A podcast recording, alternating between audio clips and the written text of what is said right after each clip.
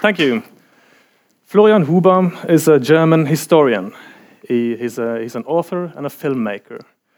He holds a doctorate degree in German history, has directed more than 20 documentary films, and he has written several books about subjects uh, in German uh, recent history. Like, he's written a book, uh, he's uh, made a film about Hitler's takeover, uh, about the bombing of German cities during uh, World War II, about the German culture in the areas formerly known as Eastern Prussia, and he has uh, made a film about the Berlin Wall.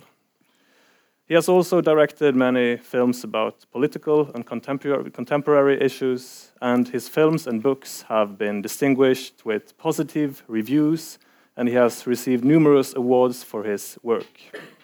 So, Florian Huber, welcome to Bergen. And Thank you. I would like to start with a question. You're a German. Why did you end up studying history? Um, I grew up in a very small town in the south of Germany, in Bavaria. And um, in the middle of the town is, of course, the church and the chapel right beside. And um, as a child, I was always fascinated by a couple of stone plates which were on the, on the back wall of the, of the chapel. And there were numerous names of, of young boys, all of them dead. And it was, of course, um, the soldiers who had uh, died during World War II.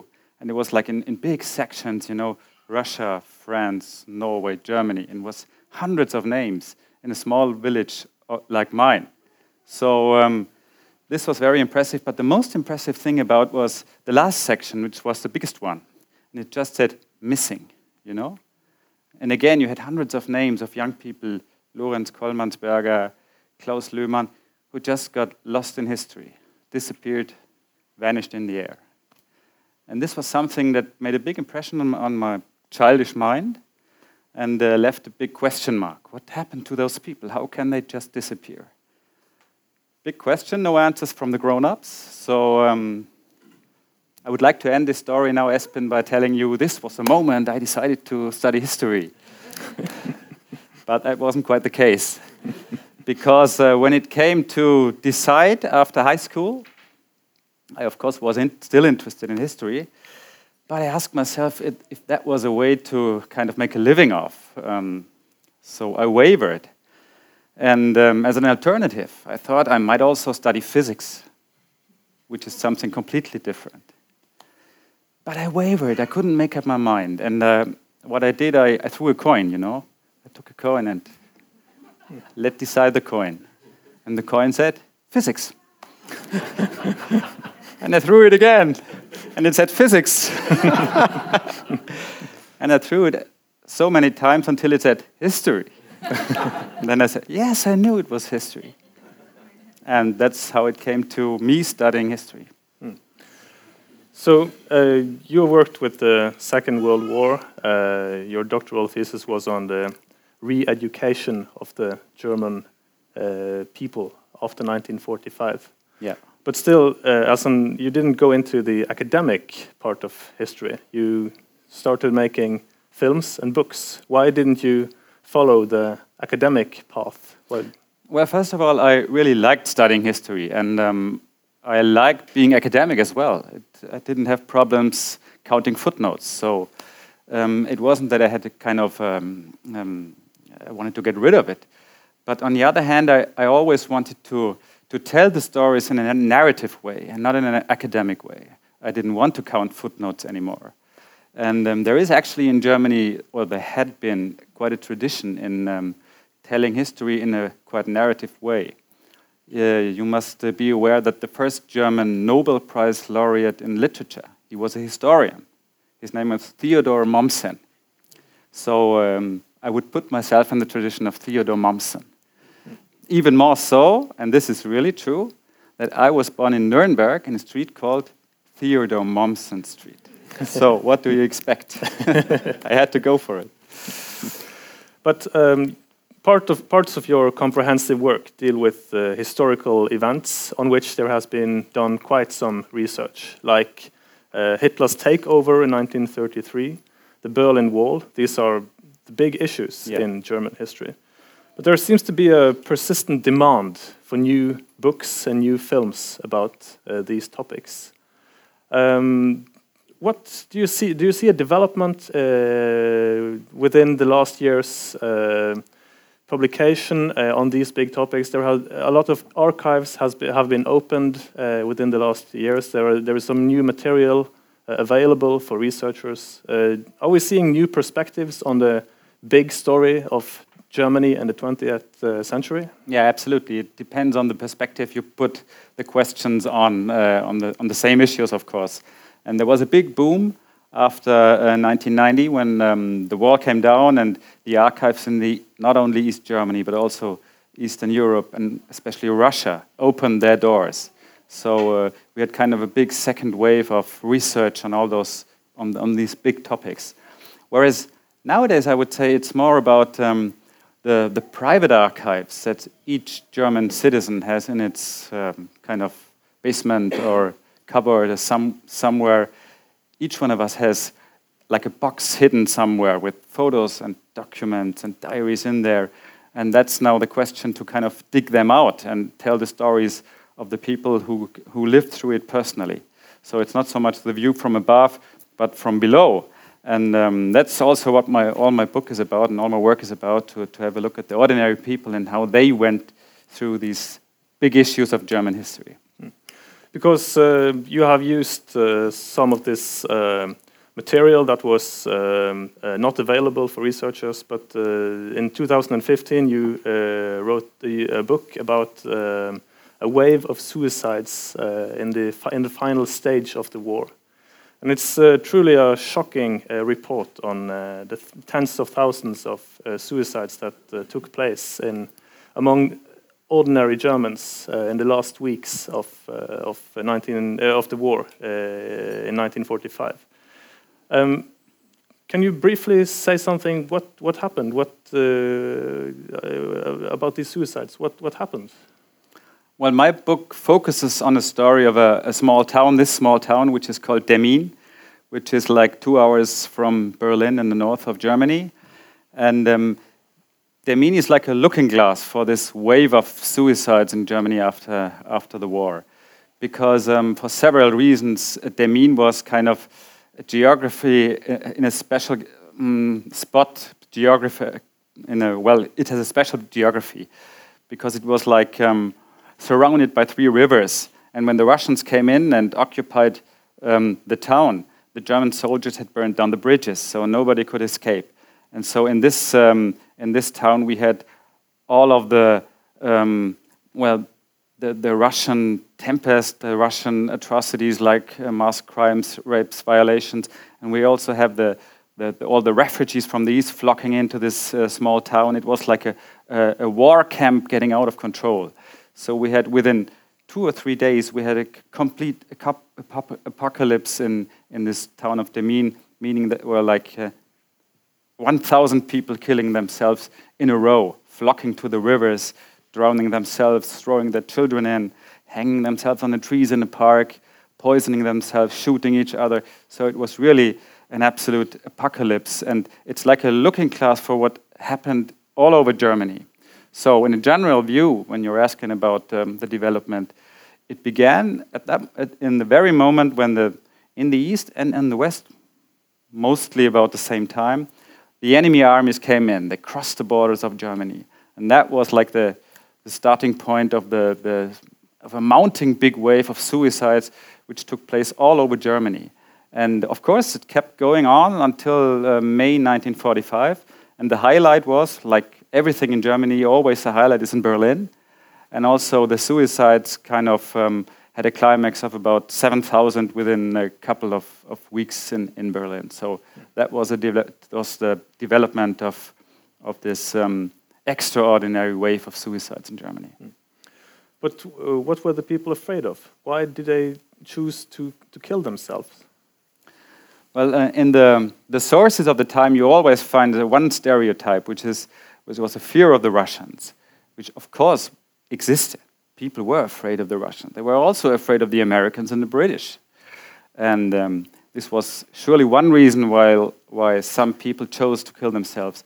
But then again, you you find even more motives, like um, um, the violence they really encountered when they were occupied. Like um, there's a figure around one to two million German women uh, were raped actually. So um, and some some of them 20 times in a row. So uh, the violence that really was uh, done to them uh, also contributed to this uh, wave of suicides. Then again, I found out that uh, there was a strong sense of of guilt and complicity in the German people. So um, everybody knew what had happened in the East. Everybody had seen the Jews disappearing from the classrooms and disappearing from the neighborhoods. And um, the soldiers who came from holiday, in, in, in, the German soldiers who came back in holiday, they told what happened behind the front in, in, the, in the eastern part of, um, of uh, Europe.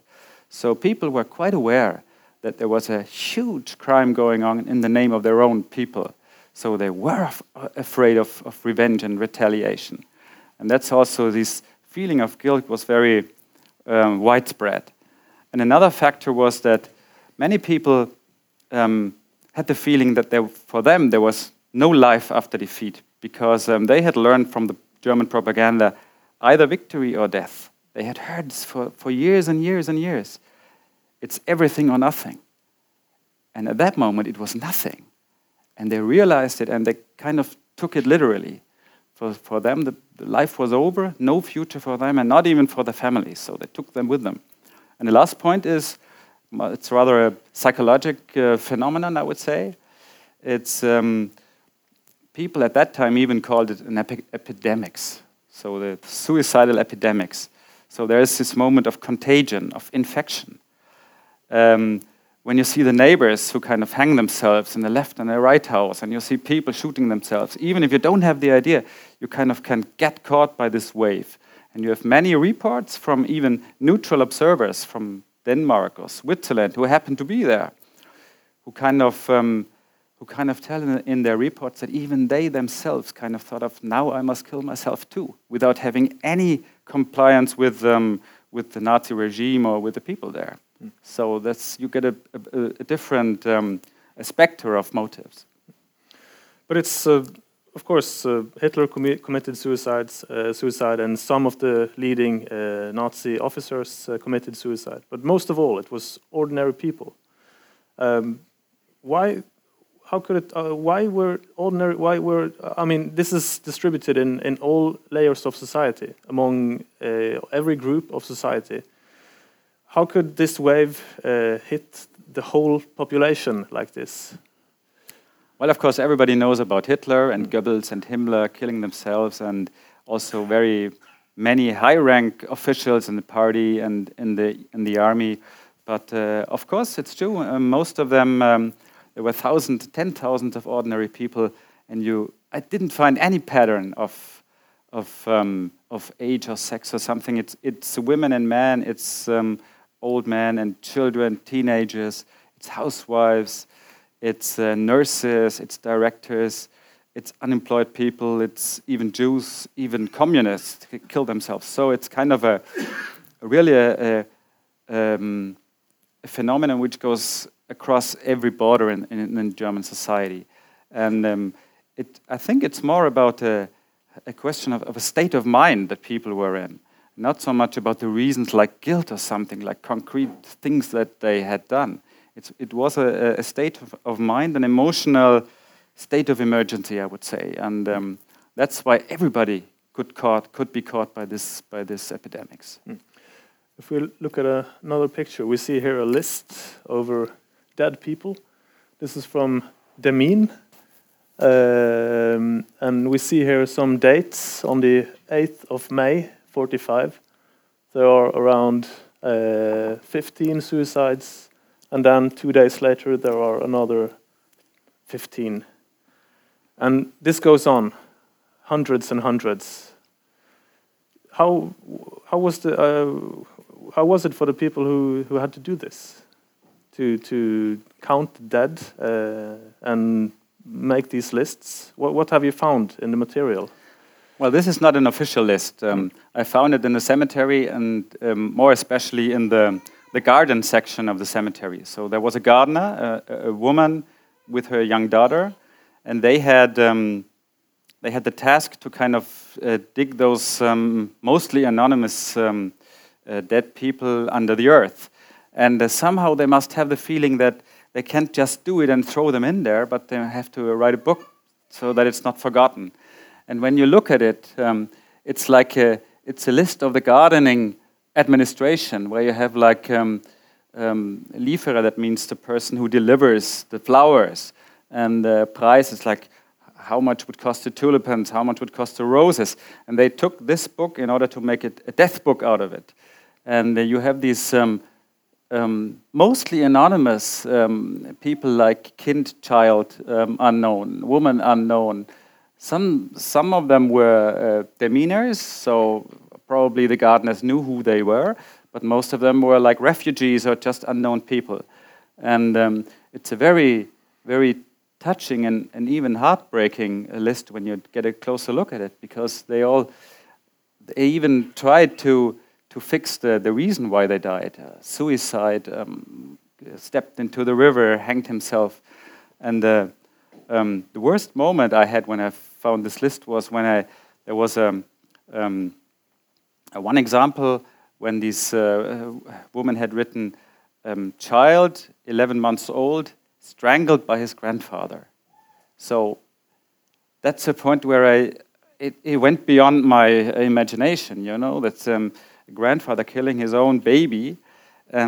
So that's why I came to, to realize it has nothing to do with the um, concrete fear of Russians, a grandfather killing his, his, uh, his grandson but it must have been a state of mind. And this list is also a proof of it. And as you say, it goes on for pages and pages, hundreds and hundreds of dead people who are now on this on a kind of anonymous cemetery in Demmin. And this is the, the document who kind of keeps them alive. But it's interesting that this is not an official list. Uh, the, the, the subject of the suicides were, uh, became, a, became a taboo. And for many years, we didn't hear much about it. Uh, why was it forgotten? Why was it ne ne neglected?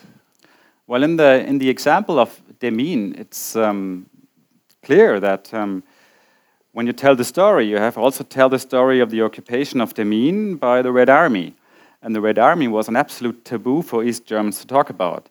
Um, no jokes about the Red Army, but um, even worse, no atrocities. They didn't uh, commit any crimes. It was uh, they were the winners, they were the victors. So there was a big taboo ab about um, this Red Army kind of thing, and it kept until '89, until the wall came down. But um, you may wonder why afterwards it kept it, it stayed like this. It remained a silence. You know, it wasn't really a taboo. It wasn't also. I didn't uncover a secret with this book but it was widely unknown in Germany. And it wasn't mentioned, it wasn't researched upon. And I, I, until this day, I keep asking myself, why is that so? Because, as you may, may or may not know, in Germany we have been turning around almost every stone until this day uh, as it comes to the Third Reich. There's even, some people say, kind of an, an obsession in, within the Germans to, to always look again at their own history but um, they never mentioned this one. And um, the only thing I can um, offer as an explanation is that these people who are listed here, they don't really fit into the pattern we used, we were used to talk about uh, when it came to the Third Reich, which was mostly in terms of the villains and the victims, you know. And uh, these people don't fit into it. They are not the, the villains of the Third Reich, but they are neither the, the victims of the lagers. So they're somewhere in between. And that might be a reason why it was completely neglected. Mm. Because it, was, it wasn't uh, very uh, accepted to talk about uh, German suffering for many years. That was also uh, a problematic uh, issue to, to address. And uh, one was quickly associated with right wing nationalists when one tried to uh, focus on the suffering of the German civilians uh, during the war. Uh, has this changed? Is it now more open? Well, you to, must to talk about it. You must not forget that in the first place, right after the war, many Germans tended to um, to victimize themselves by saying we were the last victims of Hitler because we lost everything. Our houses burned down. Now we are occupied. Our, state has, um, uh, has vanished. So we are the real victims of the Third Reich. And this, of course, was a very defensive and, and very um, uh, well a way of stealing away from responsibility. And this is something that was really um, regarded upon from a moral point of view as a very disgusting attitude afterwards in the 1980s and 90s until this day, and for some good reason, I would say. So, um, talking about German victims is still a, a, touchy issue in German in Germany, but it's, uh, it has changed actually within the last uh, 15 and 20 years, and I think it all began with with um, uh, all the stories of the German refugees who came from the eastern parts flocking into the west uh, like I think we had 15 million refugees who became integrated in the new German state, but they never were allowed to tell their stories because it was soon it was um, kind of connected to a, a right-wing um, supposition. So if you talk about yourself being a victim, you must be very conservative, even right-wing. So the refugees were allowed to be integrated, to integrate themselves into the society, on the assumption that they don't talk about their, his, their past. So, and this actually has changed within the last 15 and 20 years. We have many, we have so far so by now heard many stories of people who came from the eastern parts, prominent people like, I don't know, Genscher, and uh, there were many examples. So the perspective actually shifted into a, a much broader view. But uh, generally, it still is it's a matter of political correctness to call yourself a victim of the Third Reich uh, in Germany. But uh, yes, you, I think this book couldn't have been written 20 years ago mm. because people would have called me uh, a reactionist. Mm. What kind of reactions have you uh, become uh, in, in Germany? How, how, was the, how were the reviews? It was, um, I was kind of surprised that um, it was a big success um, first on the, on the on the book tables. You know, we had like I think six or seven editions by now, and uh, there's a paperback and everything. So I was really um, very reluctant on on on the perspective of success for this book because I thought it's such a hard matter, such a, a bitter topic that uh, people were kind of could be fed up with uh, those those cru Nazi stories. But it turned out it was uh, the opposite way and, um, and was well acclaimed by the press because, yes, it opened a, a window to a, a, thing that was never mentioned before. And um, especially in the East, in, these, um, in, these, um, in this town, Demmin itself, but also in, in the whole region, I had many lectures and, uh, and um, occasions where I, I met people and was always overcrowded because people had this feeling that there was um, something lifted upon a burden which was lifted upon their shoulders because they had never the possibility to, to, to speak about what had happened to them and what has deeply, deeply uh, marked the, the, whole region of, of Demmin and, and this eastern part of Germany. Mm. So there is certainly a, an, an, emotional dimension that has been uh, neglected and, and uh, that hasn't had a place in the official history writing. And there is this uh, picture by the by the historian Harald Welzer from a of a German uh, living room with uh, two uh, books that that are in every German living room. There is one lexicon, uh, an encyclopedia, and one uh, album with with photos. And there are two uh, quite different stories in these two genres. In the encyclopedia, we find the official uh, perspective, the, the facts, the, the view from above. And in the album with the photos, we find this, uh, these private uh, stories, uh, which are quite different and they contain some very, very strong emotions. So, are we seeing an opening for emotions uh, in uh, the research on the Second World War? Well, in general, in Germany, there has been uh, quite a, a, big amount of um, um, well history of mentality. You know, this is uh, quite a well-established um, um matter in Germany right now. But it's not so much about um, emotional history. So um, the emotions of, uh, of the people in, in former times are just beginning to, to uh, being uh, looked upon. And um, this book is all about emotions, you know. And um, um, my, my initial question was not only what happened in Demmin, but um, the basic question was what was the state of mind that the people were in at that moment that they killed themselves literally in tens of thousands. And you have to go back to the years, uh, to the 1920s and 30s, when people like were overwhelmed by always bigger emotions like euphoria and, and faith in, and love in Hitler and, and the proud pr pride of being German, and then also this uh, moment of arrogance and hatred against the others, and this feeling of superiority. It was always on the top, always extreme. And then, of course, when it all when the tide turned and uh, we lost the war, it, it was the other way around. It was deep despair and fear and fear of retaliation. So these people went to a permanent state of emergency, emotion wise, I would say.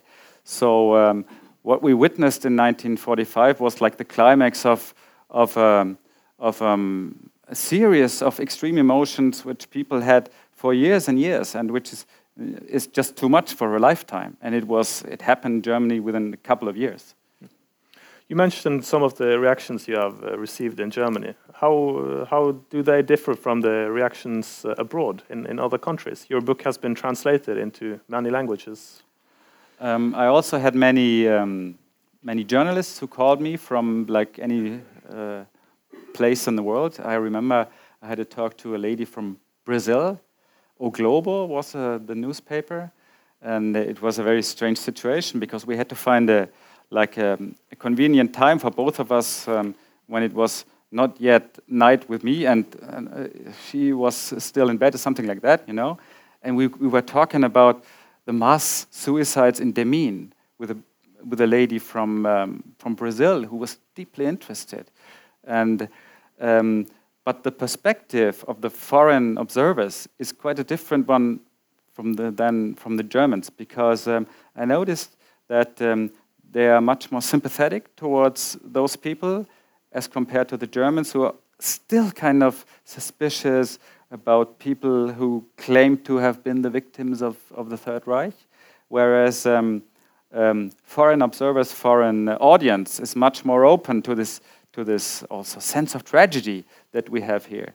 And um, I found that in the end, it's, um, it's uh, quite um, an astonishing fact that um, there's a, a, big interest all over the world, I think, which goes to what does it mean to live in a dictatorship?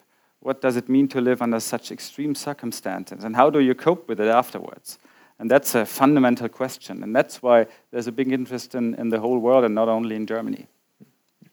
We can look at uh, another picture. Um, here we see uh, a photo taken by uh, an American press photographer. Uh, this is from Leipzig uh, in May 1945. What, what do we see on this picture? What is the how would you uh, in in which way is this representative for the whole story you are telling? Well, first of all, this is an extraordinary document because although there has been, we must count like literally tens of thousands of suicides after World War II, but we had hardly any photos of it. I think I found like three or four. Unbelievable. And this is one of it. And um, the photographer was, her name was Lee Miller, and she was actually a, a quite a famous um, a star of photography in the United States. She was also a, a glamorous model and, um, and a, a well-known, renowned uh, photographer. I think she also was um, friend of Man Ray, like girlfriend of Man Ray. So she was very famous. And she went with the American troops into Germany. And um, she witnessed um, the scenery when the American troops occupied the Leipzig Rathaus, uh, the town hall. So, um, and in every single room of the Leipzig town hall, they found a scenery like this. So there were high officials, the Bürgermeister, um, the, I don't know, party officials who sat there with their families, like dressed up um, as nurses, and he had his best uh, suit on, and they had just poisoned themselves, you know. And this was all over the place, all over the Rathaus. You had these, these uh, people who killed themselves, obviously, who made their last journey together. And um, it's an extraordinary doc document. And it's, uh, I don't think it's a coincidence that it's just an American who made the, the picture because the Germans didn't do it. They didn't think of it. And also, you must uh, be aware that at that time in Germany, suicide wasn't a taboo anymore. Normally, suicide is a taboo in any society. You don't talk about it, you don't mention it in the press. But in these weeks in Germany, it was like an everyday business. It was a daily thing. There were conversations on coffee tables. Did you also get your poison? Oh no, uh, where can I get it? Oh, you just go to the pharmacy. They've got good one. Oh no, I think I'm, I, I, I prefer the bullet. It was literally a daily kind of thing. There's a story I was told um, that um, in Berlin in the last weeks of, um, of, of May, of April 1945, there were still concerts being held in the concert hall. And there was one concert where they played Beethoven or whatever, and the concert is finished. And the people flock out of the room. And uh, on the entrance, there are like teenage boys with baskets full of poison offering to the people. And some grab, some don't do it it's, I don't know if this story may be true or may not be true, but it says something about the mentality of the people in those days, which was completely out of joint. You know, it's a, it's a question of values and moral, which has been completely turned up. So what we see here might look extraordinary for Lee Miller, for the photographer, and for us, but it was something absolutely normal for the German at that time. It's really uh, hard to, to cope with these uh, facts. Um, but um, it's interesting that uh, an American has, has taken these pictures. But uh, as you said, the, the, Germans are a bit more uh, tense, have a bit more uh, Berührungsangst, anxiety of getting in touch with this issue. Um, but uh, with your book, um, how, uh, uh, how, uh, how, uh, what kind of reactions have you become uh, from ordinary people? Not from the, not from from newspapers and media, but from from elderly Germans who themselves experienced these events. Yeah.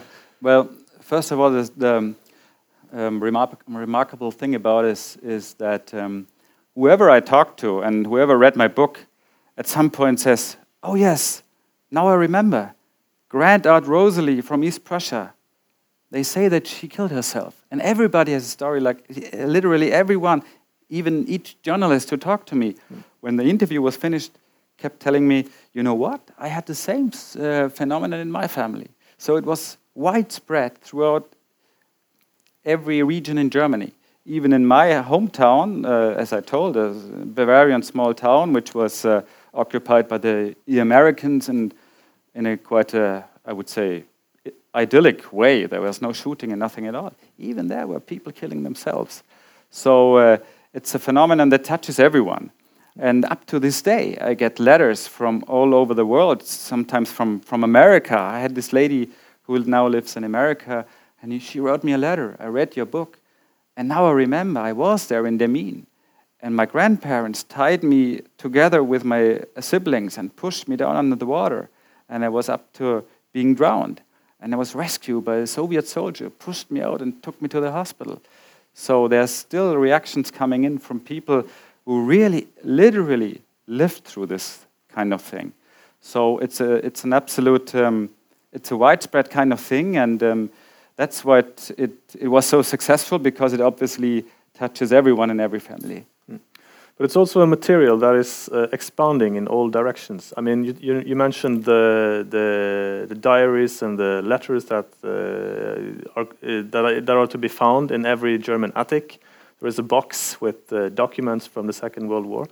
I mean, when every family has some material and some stories to tell, there, the number of stories that can be regarded for researcher, researchers uh, expand into uh, into an endless uh, material. It's it's it's impossible to get a complete overview over uh, the total uh, uh, amount of stories.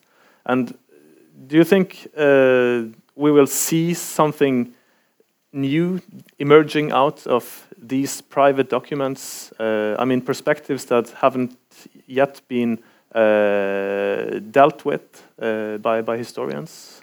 Well, I don't think that it's a question of getting a complete overview. Um, at least I wouldn't really like to read like 80 million family stories uh, from German addicts, you know. uh, would take a while. But um, yes, I, I, do think that uh, there are hidden treasures with these boxes of Pandora, as, as I like to call them. Uh, and uh, you have to find them. It's not a kind of um, uh, randomly uh, searching through everything that is old, you know.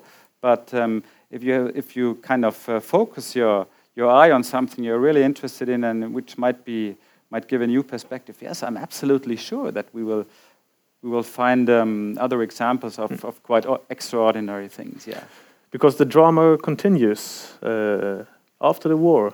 These uh, many families had to deal with these events and live on. Uh, you have looked into this uh, development too.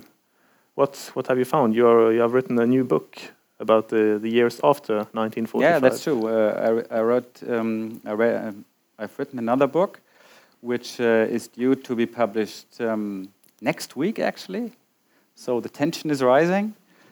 And, um, and when I finished this one, I actually had in mind um, okay, we have these many people killing themselves, but there are many more who kind of did not kill themselves.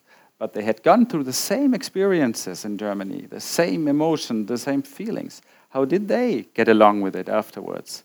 For example, my family, there were no suicides, but they had gone through it. And uh, I hardly learned anything about my grandparents. My grandpa was in Russia as a soldier for four years, and I don't know anything about him. And he didn't tell anything when he came back.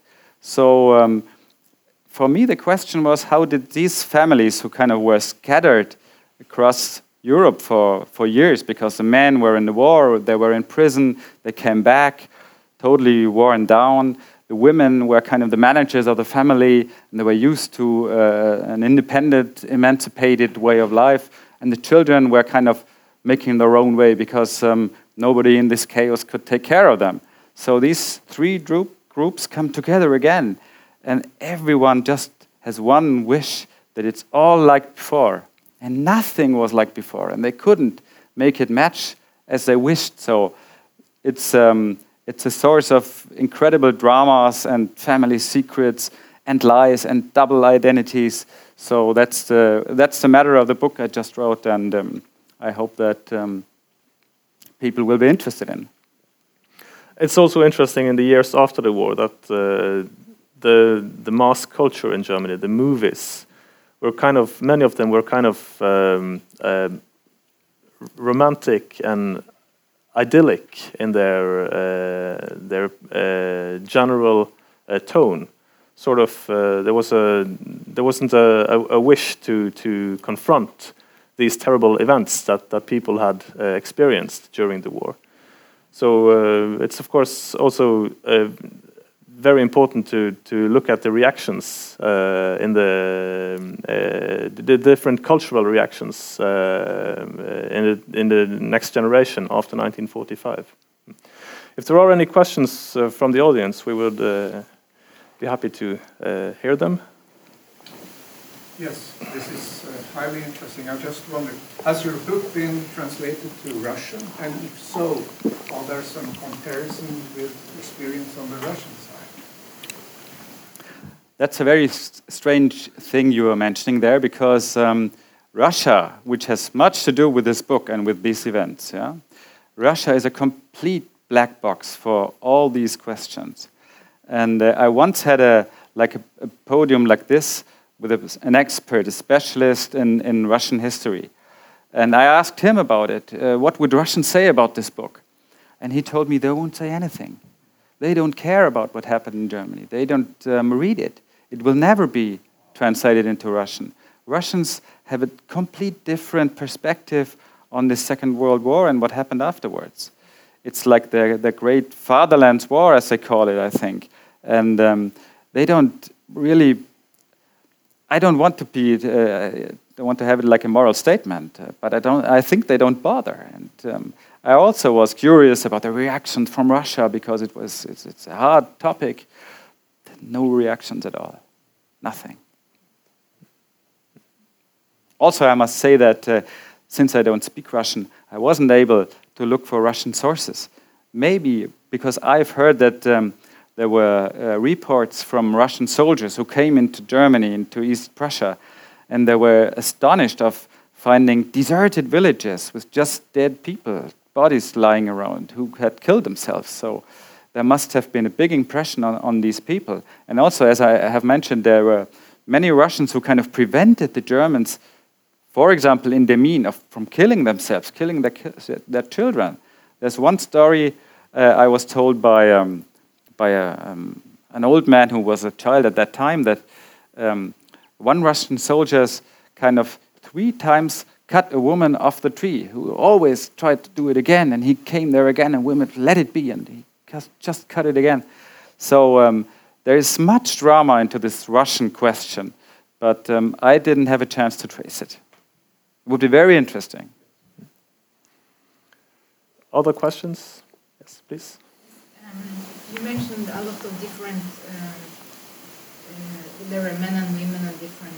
There were not much different in the different groups. They were all uh, represented by people who killed themselves. Yeah. But you did. I didn't hear you mention religion, and of course in the in the east there were mainly Protestants. But you said there were also people in the south who killed themselves, but they were mainly Catholic. Did you, did you know anything about because they have this big taboo more more in Catholicism, I think, than in Protestantism. Or didn't it matter anymore? Actually, um, since um, the, the, worst part of this um, wave of suicides took part in the eastern part, like uh, East Prussia, West Prussia, Silesia, um, Pomerania, and these were all Protestant regions. Whereas in the south, it was like the Americans coming in, the British coming in, so it wasn't that bad. Um, you have much smaller figures. But I couldn't figure out if this has anything to do with the, with the religion itself. Um, whereas um, uh, what, what, I did find was many Protestant um, priests kind of warning the people of killing themselves, kind of, yeah, you must not do this. This is not allowed. And actually, the first one who really, um, who kind of uh, invented the word suicide epidemics. He was the bishop of Berlin, whose name was Dibelius, and he, he kind of uh, was very aware what was happening with his, his, uh, his community. And he, he stepped on his, um, on his um, well, in his church and, and he preached to them and literally telling them, you must not do this. Don't even think about it because this is a, a worse crime than, um, than anything we can do. We must not kill ourselves. So there was a big awareness with, uh, within the, the clergy, but uh, they couldn't stop the people from doing it. Any other questions? Then maybe a final um, question. Um, will we ever see a closure of uh, the big topics uh, in the Second World War? I do not hope so, because otherwise I will be an unemployed, uh, grumpy drunkard one day, you know? Um, no, seriously, I don't think so, um, because um, Germans are actually quite fond of history, and um, there has been a very um, stable flow of, of, of, books and, and um, documentaries, but also now on a, uh, there's a growing wave of, of feature films also on German television. Um, covering anything from uh, First World War, Second World War. Now, now the, the 50s are quite trendy at the moment. So, uh, and, and, big star um, stars like um, well, the big German actors are into it. So it's a, it's quite um, a, a, very stable kind of thing. And um, I can only say I don't I don't believe that this will change in, in the next days because in the next decades because uh, there's still a high demand and um, I will do anything to, uh, to continue it. Thank you for coming to Bergen, Florian Huber. Thank you. Thank you.